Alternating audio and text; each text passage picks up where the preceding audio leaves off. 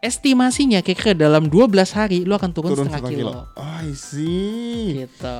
Oke, that's make sense ya. Sebenarnya sebenarnya berarti sebenarnya hitungan diet tuh tidak sekompleks itu. Seringkali lu tidak menghitung berapa banyak kalori yang lu makan dan lu nggak tahu kadar BMR lu berapa sebenarnya. Itu dia. Jadi sering kali orang sering kali diet orang nggak efektif.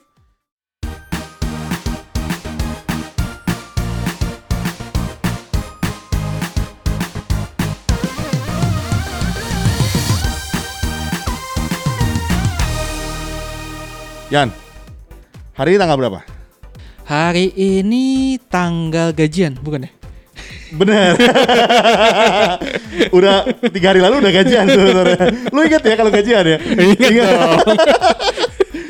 Eh, hari ini tanggal 28. 28, oke.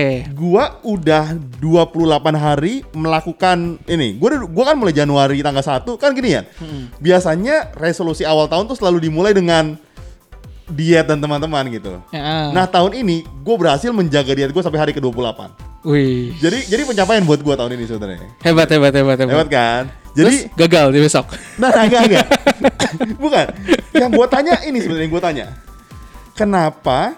Jadi jadi gini ya, teman-teman perlu tahu ya. Gua nih selama 28 hari eh Oh. eh, apa namanya? olahraga teratur. Gua sempat melakukan HIIT berapa kali. Hmm. Gua lari tiap hari 3 kilo. Itu benar lari lah sekarang. Mas, dulu kan jangan Dulu- makan gorengan gitu kan. Iya. Sekarang gua lumayan lah larinya maksud gua. Enggak, waktu kan teman-teman dengar kan waktu kita bikin episode pertama kita Hmm. bahwa menjadi kurus tuh bukan soal lu jalan biasa atau bersih-bersih rumah. Hmm. Tapi itu berbanding lurus sama detak jantung lu yang apa namanya ya? Iya, jadi lu ngacoannya pada ini kan, pada eh, apa namanya aktivitas kayak aerobik gitu kan, Iya, ya. gitu. Jadi tahun ini gue lakukan lah gitu. Setiap lari gue Ah. berapa ngos-ngosan gue lakuin. Terus gue menghitung kalori gue. Hmm. Pertanyaannya, kenapa berat badan gue belum turun secara signifikan? Iya. Berarti jangan-jangan ya lu kasih tau gue tanggal satu itu salah sebenarnya maksud gue. Iya dong. Berarti berarti berarti semua saran gue udah lakuin nih. Udah, tapi nggak nggak nggak terjadi apa-apa. Tapi nggak terjadi apa-apa. Hmm. Nah, berarti saatnya lu langganan premium sama gue.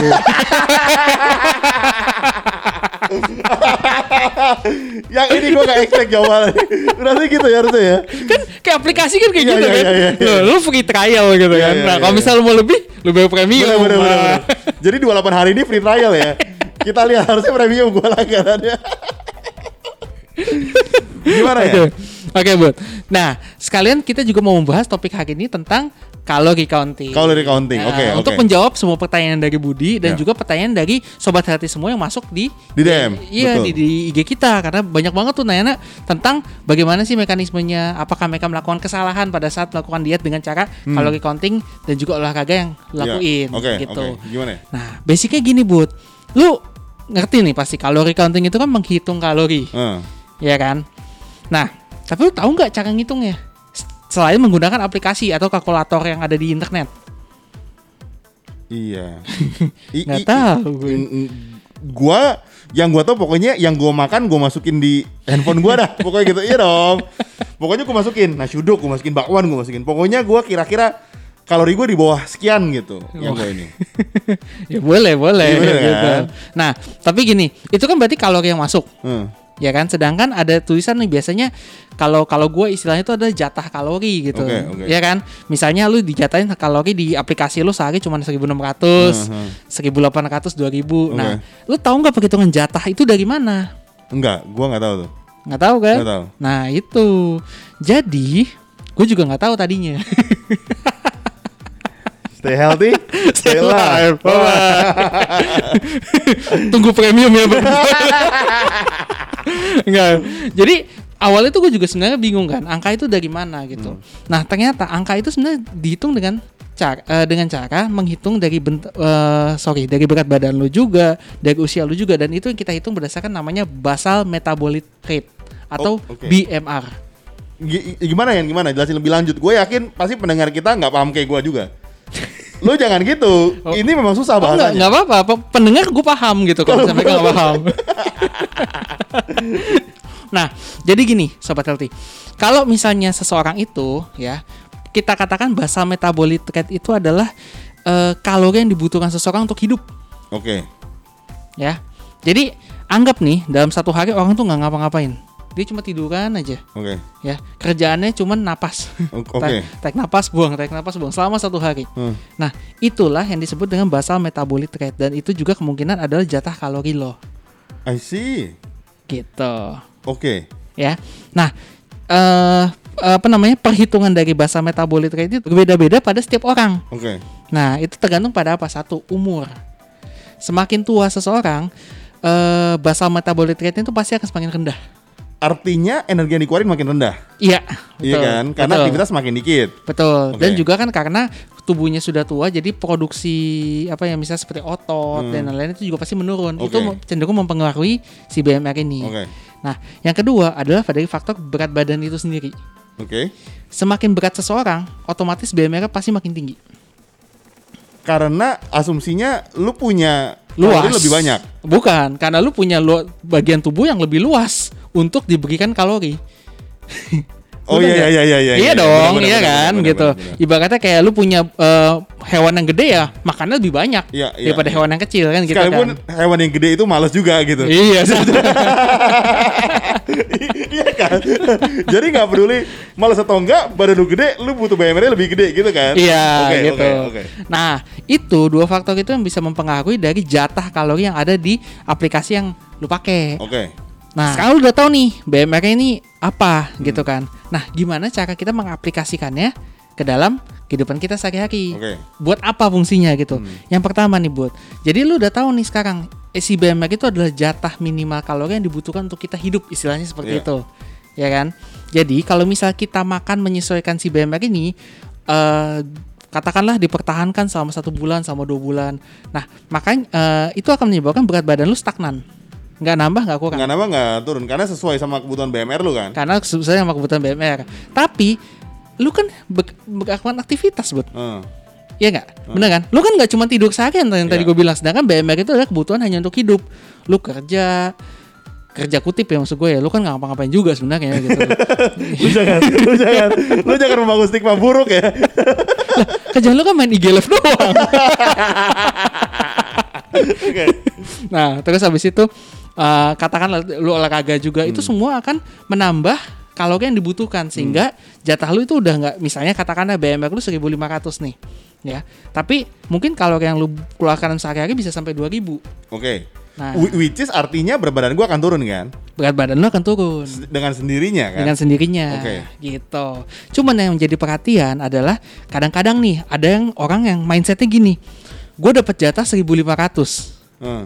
ya kan 1500 aja gue bisa kurus kenapa gue nggak kurangin aja jadi 1000 Itu pertanyaan gue juga. Nah, bener benar, kan? benar, benar. gue kurangin aja jadi 500 Betul. makin cepat kurus gue cepet gitu kan Betul. makin habis gitu kan Hmm. makin males nah sekarang gini lu butuh 1500 untuk hidup Hmm.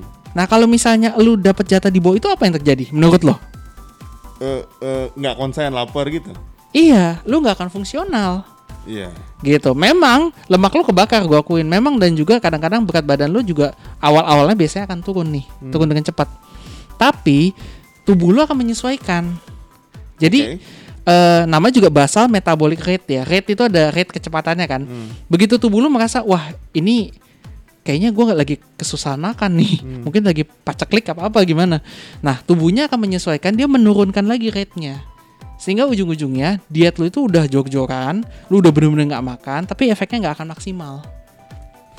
Tunggu, tunggu. Ini bagus. Gua gua mau nanya gini. Jadi gini. Hmm. Ketika lu menurunkan yang lu konsumsi, gitu kan? Maksudnya nurunin yang kita konsumsi kan? Hmm, Jadi aktivitas kita relatif sama, konsumsi kita turunkan habis-habisan. Eh, sorry. Kadar BMR lu itu Hmm? lu turunin di bawah yang seharusnya dengan cara konsumsinya sangat sedikit gitu kan. Eh, bukan bukan BMR, BMR selalu sama, jatah kalori. Jatah kalorinya gue turunin. Hmm. Ketika gue turunin, berarti tubuh gua akan ngerti. Oh, ini orang kayaknya dengan sengaja menurunkan jatah kalorinya. Kalau gitu, gue juga sesuaikan ah supaya nanti kalau lu nggak makan, badan lu nggak kurus lagi gitu maksudnya. Iya, rate-nya jadi ikutan menurun. Bisa gitu, ya? Tubuh itu kan bisa beradaptasi, Bud. Makanya kalau misal pada eh, jangka ini gue bilang oh, jangka pendek ya, gitu. Jangka pendeknya itu nanti tubuh menyesuaikan pelan-pelan. Jadi dia akan mengurangi eh, i- gini deh, ibaratnya kalau misalnya handphone lu lagi mode hemat baterai gimana sih? cahayanya makin redup, ya iya, kan? iya, Terus iya, ada iya. aplikasi yang nggak bisa dipakai Iya, karena iya, tubuh iya. lu tuh bisa seperti itu. Jadi lu tuh kesannya lebih nggak semangat, lelah, cepat lelah, lesu, nggak nggak nggak nggak niat juga ngapa-ngapain yang pada akhirnya akan mempengaruhi aktivitas harian see. gitu. Tapi Jadi- kan kalau gua tipikal yang nggak ngapa-ngapain nggak apa-apa dong. Kalau gua nggak ada kerjaan kan nggak apa-apa sebenarnya. Ya nggak apa-apa juga sih gitu. Berarti lu ngaku ya. Nggak juga sih buat karena itu nanti ujung-ujungnya nggak akan baik untuk kesehatan juga. I Makanya nggak pernah disarankan seseorang untuk diet meleb- me- apa namanya lebih rendah daripada BMR-nya.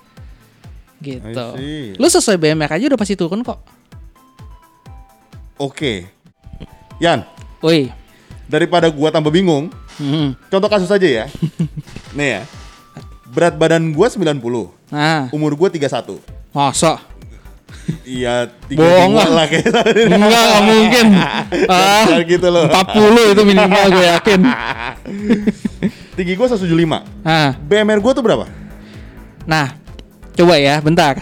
Karena itu kalkulator juga susah. Gue hitung Oke, aja pakai oke. kalkulator. Oke. Nah, kalau misalnya kita masukin semua input data lo nih dari umur lo, tinggi lo, berat badan lo. Nah, kasarnya itu BMR lo adalah sekitar 1800 kalori buat Per hari kan? per hari. Oke. Itu adalah energi minimal yang dibutuhin lo buat hidup. Oke. Eh, berdasarkan obrolan kita tadi, Hmm? gua kan tidak perlu makan sampai 1000 kalori, rendah sekali untuk nurunin berat badan gua. Iya. Nah, menurut lu diet yang sehat gimana? Atau kalori counting yang bener harusnya gue tuh gimana? Disesuaikan aja kah makan sesuai BMR? Hmm. Terus kemudian ada ada aktivitas lain atau gimana sebetulnya? Nah, jadi gini buat BMR itu kan sebenarnya poin utama untuk ngitung basic lu dulu nih, Hmm. ya kan? Nah nanti ke depan eh, kalau misal lu mau sekarang kan berarti lu udah mau mulai memulai ngitung nih berapa Ah. kalori yang lu butuhkan kan? Ah, ah. Nah itu mesti dikali lagi dengan seberapa aktif lu Oh, I see. gitu. Jadi nanti ada poinnya lagi nih. Nanti biasanya ada tabelnya buat kalau misalnya dalam sehari eh dalam seminggu misalnya lu berolahraga 2 sampai 3 kali, pengalinya berapa? Kalau misalnya lu seminggu nggak ada olahraga sama sekali, pengalinya berapa gitu. Nah, semakin banyak aktivitas lo, pengalinya itu akan semakin tinggi. Itu yang eh, yang dihitung sebagai jatah harian lo. Jadi contohnya misalnya ya, ini gue pakai contoh aja. Misalnya lu aktivitasnya moderate deh, kita katakan sedang gitu. Mungkin pengalinya itu satu setengah misalnya. Jadi dalam satu hari kira-kira 1.800 dikali satu setengah berapa tuh? Ah nggak bisa ngitung. Tunggu. 1800 tambah 900 berarti kan 2700. Nah itulah dompet kal- kalori lu 2.700 per hari. Oh, I see. Kalau lu makannya 2.700 per hari, berat badan lu stagnan. Oke oke oke oke Gitu. gua paham, gua paham. Tapi itu kan tergantung aktivitas ya bener lu bilang. Kalau misalnya kita ngomong tentara, Hmm. nggak mungkin satu setengah kali karena aktivitasnya berat sekali. Oh iya, bisa sampai dua kali dia. Bisa sampai dua kali. Lu makan misalnya 3600 kalori pun badan lu nggak akan naik gitu kan? Iya, Oh, gua ngerti, gua gitu. ngerti. Oke, that makes sense. Berarti teman-teman BMR itu cara ngitungnya untuk jatah kalori harian lu tuh tergantung, it depends sama kesibukan lu. Iya. Lu bekerja sebagai apa? Kalau misalnya lu hanya bekerja sebagai orang kantor, duduk terus di kantor, mungkin beda lagi hitungannya. Iya. Karena lu tidak beraktivitas fisik, Otomatis kan? biasanya kalau seperti itu eh, jatah harian kalori lu akan mendekati BMR-nya. I see. Nggak akan beda jauh. Paling pengalinya satu kali satu, 1,1 kayak gitu. Berarti berapa tuh ya? Kira-kira sekitar 1.900 sampai 2.000-an lah. I see. Gitu. Ini jadi logis kenapa yang tadi di awal, gini ketika kalian denger ya, pasti asumsinya gini sama kayak gua. Kenapa gua Enggak, enggak, gua, tidak gua, lu lu gua sih, gua sih ragu gitu. Asumsinya bisa sama kayak lu. Gue yakin sobat healthy semua lebih pintar. Gini, kenapa tadi di awal eh, si Adrian bilang lu hanya perlu konsumsi minimal tuh se-BMR lu, tidak lebih dari itu. Hmm. Karena satu lu akan malah jadi sakit, mungkin bisa sakit ya. Gua Hmm. gua nggak tahu sih implikasinya apa. Tapi logikanya karena kan lu nggak cuma tidur doang, lu kan punya banyak aktivitas lainnya gitu. Dan lu mesti Iya. hitung itu sebagai pengalinya sebetulnya. Iya. Jadi bukan berarti konsumsi lu tuh sesuai sama BMR lu sebetulnya. Iya. Gitu kan? Gitu. Ya sih. Kayak that ki- makes kita nih sekarang ya, saat kita ngomong aja, itu kan nggak bakal kalori sebenarnya. apalagi kan kita saling membenci sebetulnya kita, Ah, kita tidak itu. akur rasanya muak pala pusing itu nahan ini berat loh sebenarnya Nyimpen dendam itu bakal kalori Berat loh. yang paling simpel ya buat ya, lu jalan kaki aja itu bakal kalori. Iya nggak benar Hmm. Iya, nggak? betul, Berapa betul. langkah yang gitu. Jadi asumsi kalau misalnya basal metabolic rate lu adalah 1800, nggak mungkin dalam satu hari itu lu beneran 1800. I see. Lu akan ngebakar lebih dari itu. Gua kebayang, gua gitu. kebayang, kebayang. Udah. Oke. Nah, sekarang lu kebayang nggak ya? Misalnya kebutuhan lu berarti kan kasarnya 2.700 Iya. tadi pengandaiannya. Nah, lu cuma makan 1000 1000 deh misalnya. Itu kan tubuh lu bener-bener kekurangan banget. Hmm. Dan dia akan masuk ke dalam mode starving gitu. Starving itu yang gue tadi kelaparan. apa. Otomatis fungsi tubuh lu semuanya menurun. Konsentrasi eh, apa semangat ya. Itu pasti lu akan makin loyo. Karena lu tuh diberikan jatah bahkan di bawah dari yang lu bener-bener butuhkan. I see. Oke. Itu prinsip kalori counting yang pertama dan itu biasanya jadi salah satu pitfall paling utama. Jadi orang lihat jatahnya eh wah, jatah gue bisa sampai 1800. Kalau buat yang udah pernah ngitung kalori, 1800 tuh gede loh. Banyak, banyak bisa banyak makan banyak. Orang mikir, "Ah, gue bisa lebih kok dari itu." Gue potong aja jadi di bawah BMR. Yang menyebabkan dietnya malah jadinya nggak jalan atau stuck. Mungkin awalnya penurunannya cepat, di saat tubuh belum terbiasa. Tapi begitu tubuh udah terbiasa, berat badannya akan jadi stagnan lagi. Ditambah dengan lu kayak nggak punya gaya hidup. Hmm, oke. Yan, kalau gitu gini pertanyaannya. Hmm. Kalau misalnya gua makan kan let's say tadi ya, BMR gue 1800, Hmm. terus gue punya eh, kalau eh, apa limit kalori kurang lebih 2700. Hmm. Berarti kalau misalnya gua gua makan let's say 2200, 2500, Hmm. apakah berat badan gua akan turun juga? Atau pertanyaannya, lu harus tetap mengimbangin itu dengan olahraga, dengan hal-hal lainnya. Oke. Maksud gua, gua, gua pengen tahu itu sesignifikan apa. Let's say gini, gua pengen temen-temen tahu. Misalnya gua makan sedikit di atas BMR gua Hmm. dan gua nggak olahraga, sesignifikan apa efeknya gitu? Oke, menjawab pertanyaan lo yang pertama nih, Bud. Kalau misal kita ubah menjadi matematika hitung-hitungan, Hmm. kasarnya itu adalah kalau lu bisa kehilangan 3500 kalori, ya, Hmm. berat badan lu kira-kira menurunnya setengah kilo. Kok 3500 kalori kan? 3500 kalori. Oh, dari Oh, total total Oke, oke, total. oke. Jadi misalnya lu dapat jatah 2700 Hmm. ya. Dalam sehari lu cuma makan 2600. Berarti kan lu 100. defisitnya 100. Iya. Nah, untuk mencapai 3500 kalori butuh 35 hari Oke. ya. Berarti dalam 35 hari hitungan di atas kertasnya adalah lu akan turun setengah kilo Oh, oke oke oke oke. Oke, gitu. oke. Nah, jadi lu terbayang dong, Hmm. semakin mendekat, semakin lu turunin kalori lu mendekati BMR, maka penurunan lu harusnya akan semakin cepat. I see. Dan dan yang menarik, tubuh gua tidak perlu mengadjust dirinya sendiri. Karena dia udah tahu, oh ini kadar minimum gua nih, that's okay gitu. Iya. Nggak nggak kayak tadi kan, tiba-tiba kita turun di bawah 1800. Iya. Tubuh lu kan jadi aneh, jadi starving gitu kan. Iya. Jadi berubah kalau misalnya tubuh tetap merasa dia baik-baik saja, Hmm. lu turunin kalori lu, itu malah jadi lebih sehat buat tubuhnya ya. Iya, dietnya ya? iya, kayak oh, gitu. that makes sense. Nah, itu yang pertama. Jadi sebenarnya tanpa olahraga pun kalau lu ngurangin makan, otomatis pasti Iya. lu udah negatif. Iya, iya. Itu negatif satu. Oke. Nah, sekarang kita masuk ke topik yang lu tanyain tentang olahraga. Hmm. Nah, olahraga itu lu tahu pasti membakar kalori. Hmm. Benar kan? Kalau misalnya dari sobat healthy juga ada yang eh, ngitung ya. Misalnya contohnya eh, yang kemarin gua kasih contoh nih, si Budi jalan kira-kira setengah jam mungkin ngebakar 150 kalori. Mungkin kalau dia lari hebat mungkin bisa ngebakar 200 kalori. Lari dikejar anjing mungkin bisa sampai 500 gitu Lari misalnya. lari dari kenyataan lebih gede lagi ya. gua sih lebih sering lari dari kenyataan ya biasanya. ya. Terlatih ya Bud. nah, nah sekarang asumsikan ya, lu melakukan lari setiap hari dengan membakar 200 kalori tambahan. Oke. Ya, berarti eh, kebutuhan hidup lu sehari itu bukan 2.700 lagi, tapi 2.900 2500. Kok 2500? kebutuhan. kebutuhan. Oh, iya, iya, iya, iya, iya, Nah, iya. iya kan? Jadi lu butuh 2.500 ditambah dengan lu butuh 200 tambahan untuk tenaga lari. Iya, iya. Berarti sehari lu butuh 2.900. Iya. Tapi lu makannya cuman 2.600 Hmm. yang tadi kita contohin. Berarti defisitnya 300. 300. Nah, estimasinya kira-kira dalam 12 hari lu akan turun, Turun setengah setengah kilo. kilo. Oh, I see. Gitu. Oke, that's make sense ya. Sebenarnya sebenarnya berarti sebenarnya hitungan diet tuh tidak sekompleks itu.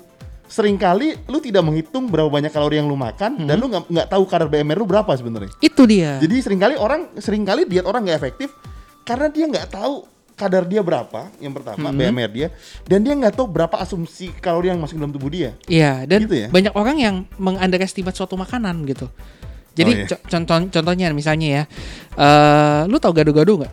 Ta- Tahu? Nah, ini juga termasuk kesalahan gue nih. Ini kesalahan pribadi gue nih waktu Gua lu dulu. ngomong gado-gado gue jadi intimidasi. Gue hampir seminggu dua kali tiga kali makan gado-gado gue kali. Apa itu aja dengan gado-gado ya? Nah, gado-gado di bayangan gue, gue gue gue waktu gue berusaha diet, gue makan gado-gado tanpa lontong tanpa nasi. Iya betul. Ya, karena di Ah. bayang gue sayuran. Sayuran, Iya. Paling apa sih kentang dikit Iya. adalah ya. Udah gitu kan. Mungkin ada yang kasih telur gitu. Sehat gitu. Tapi ternyata kalau lu searching gado-gado tuh kalorinya gede banget bisa sampai 300 sampai 400 kalori. Dari mana? Bumbu kacang. Bumbu kacangnya digoreng. Jadi sayurannya nggak masalah. Bumbu kacangnya yang gede. Ujung-ujungnya sama aja kayak lu makan seporsi nasi rames biasa. Bukan diet. Serius? Jangan-jangan gue gak kurus-kurus karena makan gado-gado ya? Beb, kita stop makan gado-gado ya. Boleh boleh makan gado-gado, tapi jangan pakai bumbu kacang. Itu mendingan gue makan nasi doang sama telur kayaknya. Dibanding gue harus menyiksa diri gue makan gado-gado tanpa bumbu kacang. Nggak logis tuh dia.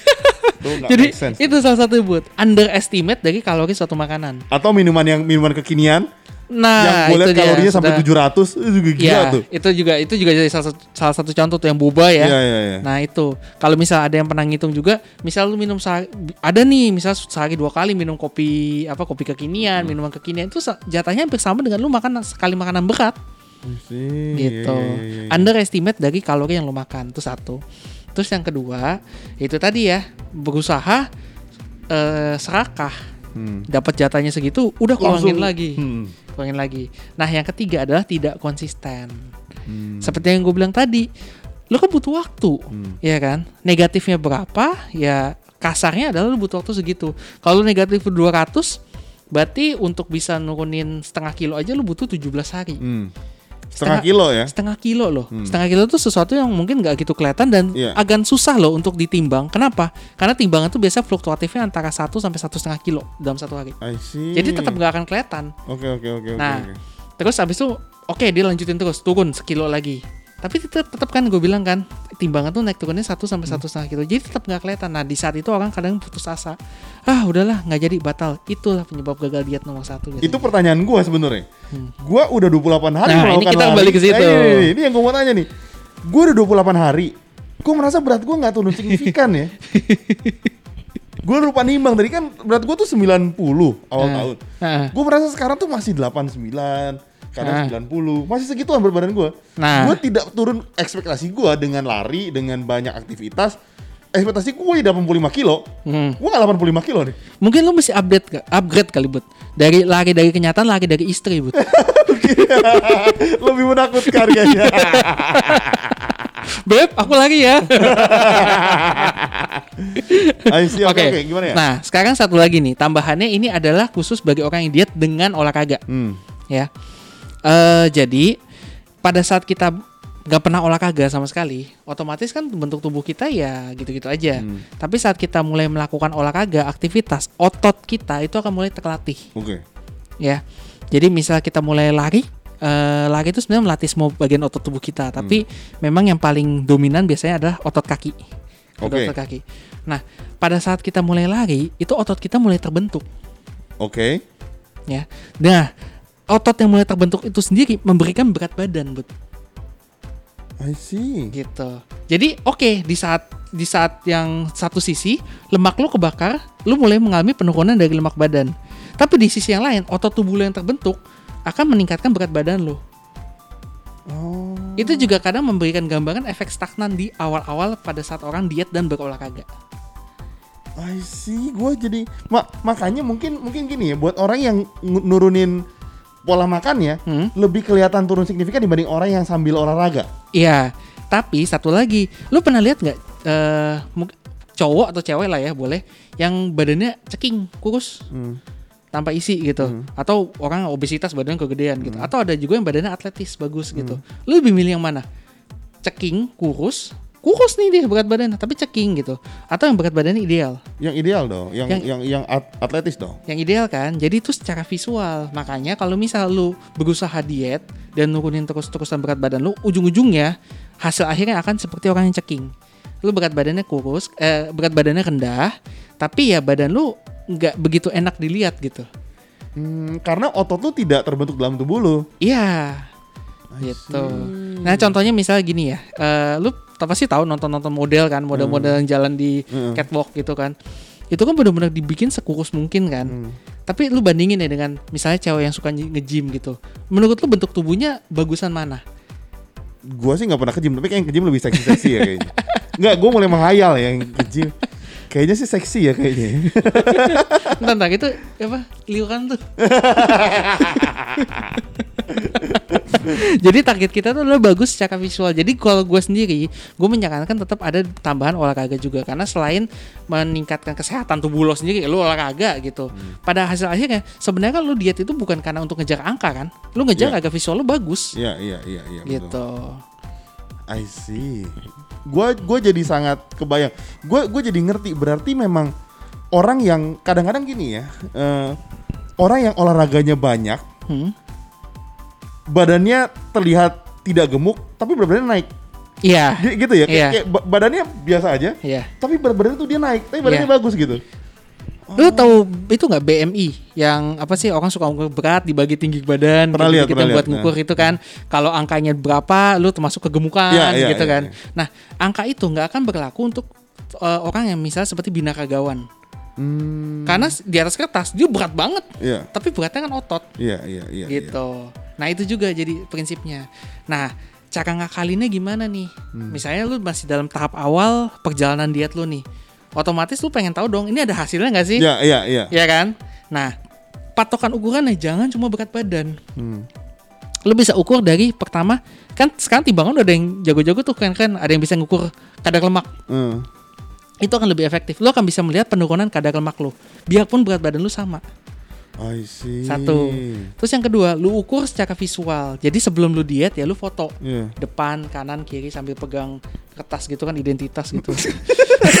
kayak kayak napi ya.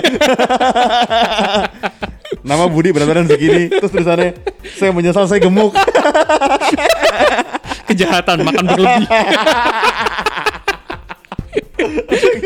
nah, setelah satu bulan selalu eh, apa namanya menjalani diet lu dengan eh, sungguh-sungguh ya, lu coba lagi deh lihat secara penampakan lu dari foto-foto lu itu lu bandingkan lagi dengan sekarang. Biasanya sih udah akan ada terlihat sedikit lah perbedaan makin bagus. Apalagi kalau udah dua bulan tiga bulan tuh pasti terlihat banget. I see. Jadi jangan pernah patokan pada angka aja, karena itu sangat menipu. Oke. Eh, Ian, gue mau nanya, ini mitos kita pernah bahas, tapi teman-teman boleh sekalian gue mau ulang lagi.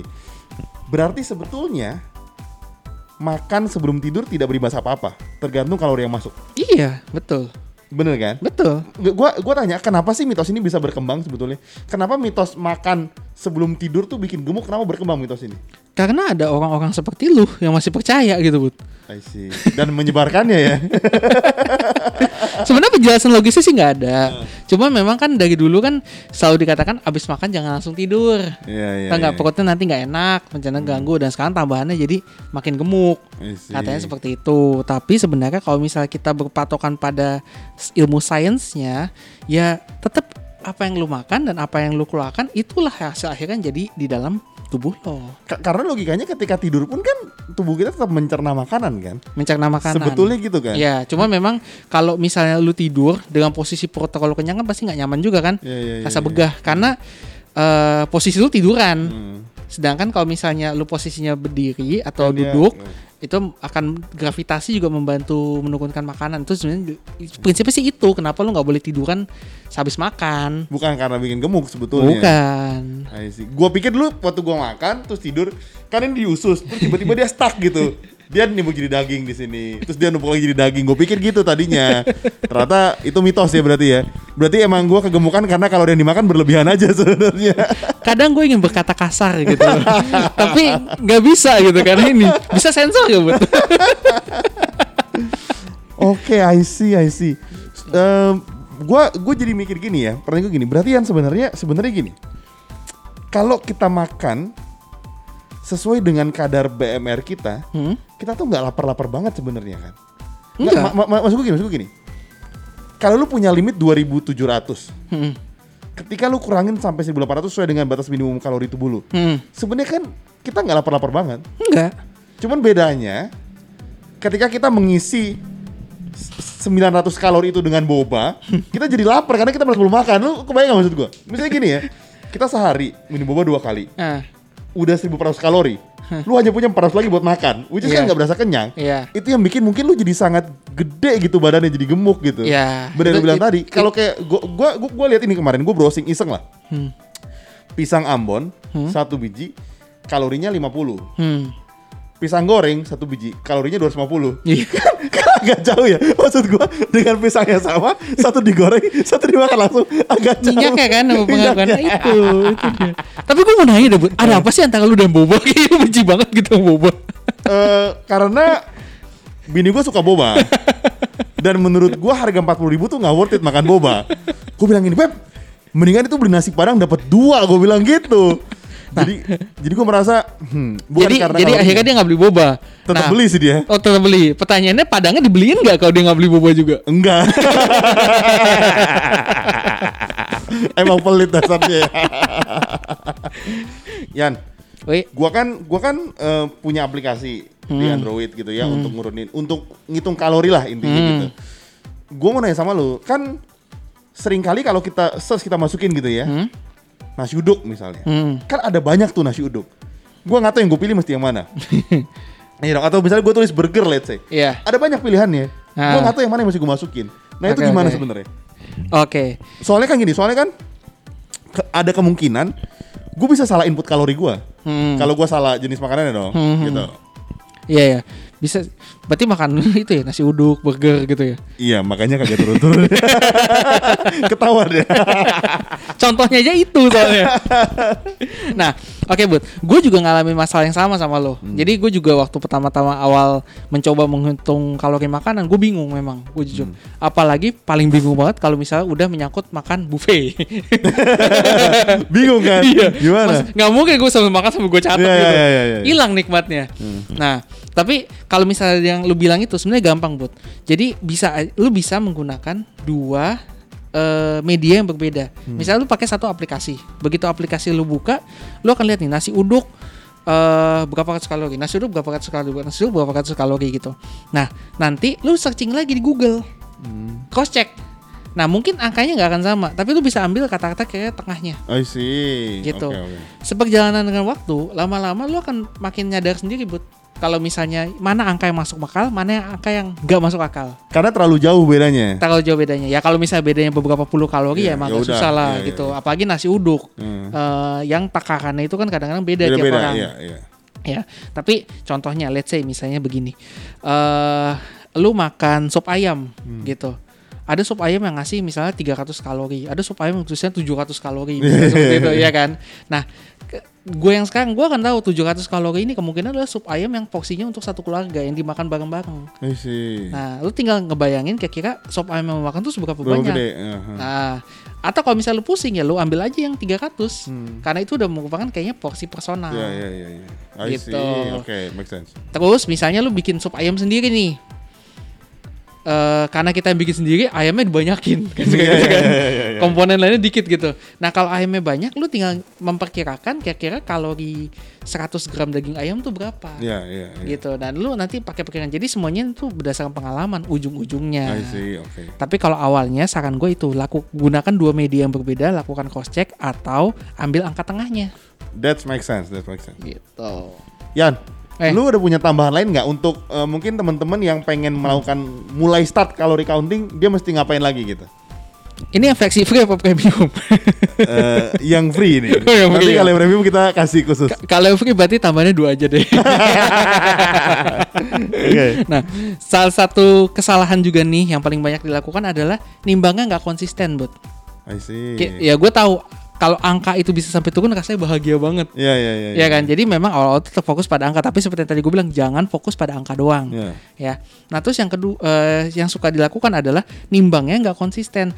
Kadang-kadang nimbangnya pagi, kadang-kadang nimbangnya sore, kadang-kadang nimbangnya malam. Karena itu beda-beda loh, Bud. Oh, I see. That makes sense. Oke, oke, gitu. oke, oke. Atau selain waktu, kadang-kadang lu nimbang cuma pakai piyama.